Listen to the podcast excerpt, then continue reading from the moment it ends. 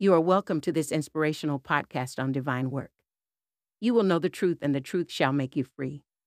In today's episode, I will be speaking on the life of soul winner. Every soul winner is in the secret of the Lord and has had a definite personal experience of salvation and the baptism of the Holy Ghost, which brings him into close fellowship and tender friendship and sympathy with the Savior. The psalmist prayed, Hide thy face from my sins and blot out all my iniquities. Create within me a clean heart, O God and renew a right spirit within me. Restore unto me the joy of thy salvation, and uphold me with thy free spirit.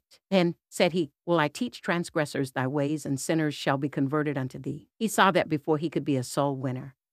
Before he could teach transgressors the way of the Lord and convert sinners, he must have his own sins blotted out. He must have a clean heart and a right spirit. He must be a partaker of the Holy Ghost and of God's joy. In short, he must have a definite, constant, joyful experience of God's salvation in his own soul in order to save others. It was no hope I am saved experience he wanted, in or was it a conclusion carefully reasoned out and arrived at by logical processes. Nor an experience based upon a strict performance of a set round of duties and attendance upon sacraments, but a mighty transformation and cleansing of his whole spiritual nature and a glorious new creation wrought within him by the Holy Ghost. It must be a definite experience that tallies with the Word of God, only this can give that power and assurance to a man which will enable him to lead and win other men. You must have knowledge before imparting knowledge. You must have fire to kindle fire. You must have life to reproduce life. You must know Jesus and be on friendly terms with him to be able to introduce others to him. You must be one with Jesus and be bound up in the bundle of life with him if you would bring others into that life. Peter had repented under the preaching of John the Baptist, had forsaken all to follow Jesus and had waited with prayer and unquenchable desire until he had received the baptism of the Holy Ghost and of fire, and had been anointed with power from on high, before he became the fearless.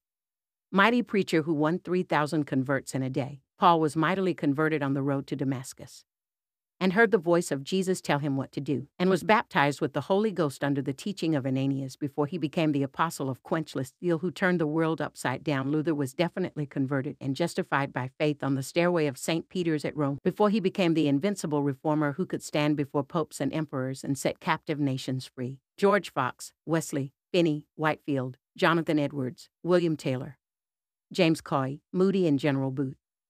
Each and all had a definite personal experience that made them apostles of fire, prophets of God, and saviors of men. They did not guess that they were saved, nor hope so, but they knew whom they believed, and that they had passed from darkness into light and from the power of Satan unto God. This experience was not evolution, but a revolution. No evolutionist ever has been or ever will be a great soul winner. It is not by growth that men become such, but by revelation. It is not until God bursts through the veil and reveals himself in their hearts through faith in his dear Son, and gives a consciousness of personal acceptance with him, and sheds abroad his love in the heart, destroying unbelief, burning away sin, consuming selfishness, and filling the soul with the passion that filled the heart of Jesus that men become soul winners. The experience that makes a man a soul winner is twofold.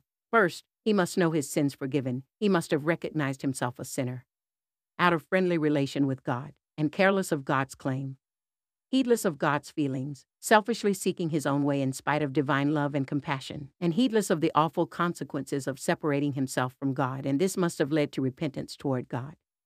By which I mean sorrow for and an utter turning away from sin, followed by a confiding trust in Jesus Christ as his Savior. He must have so believed as to bring a restful consciousness that for Christ's sake his sins have been forgiven and that he has been adopted into God's family and made one of his dear children. This consciousness results from what Paul calls the witness of the Spirit and enables the soul to cry out in deep filial confidence and affection, Abba, Father. Second, he must be sanctified. He must know that his heart is cleansed that pride and self will and carnal ambition and strife and sensitiveness and suspicion and unbelief and every unholy temper are destroyed by the baptism of the Holy Ghost, personal Pentecost, and the incoming of a great love for and loyalty to Jesus Christ before he can be largely used to win souls.